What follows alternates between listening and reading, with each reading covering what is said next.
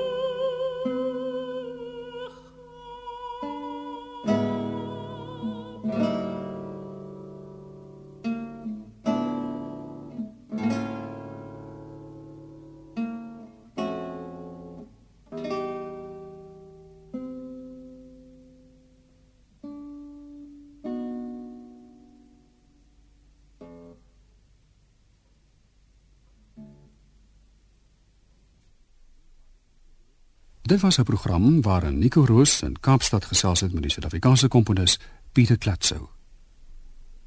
Graflegging, waarmee die program afgesluit is, is uitgevoer deur Marisa en Uliano Marchio.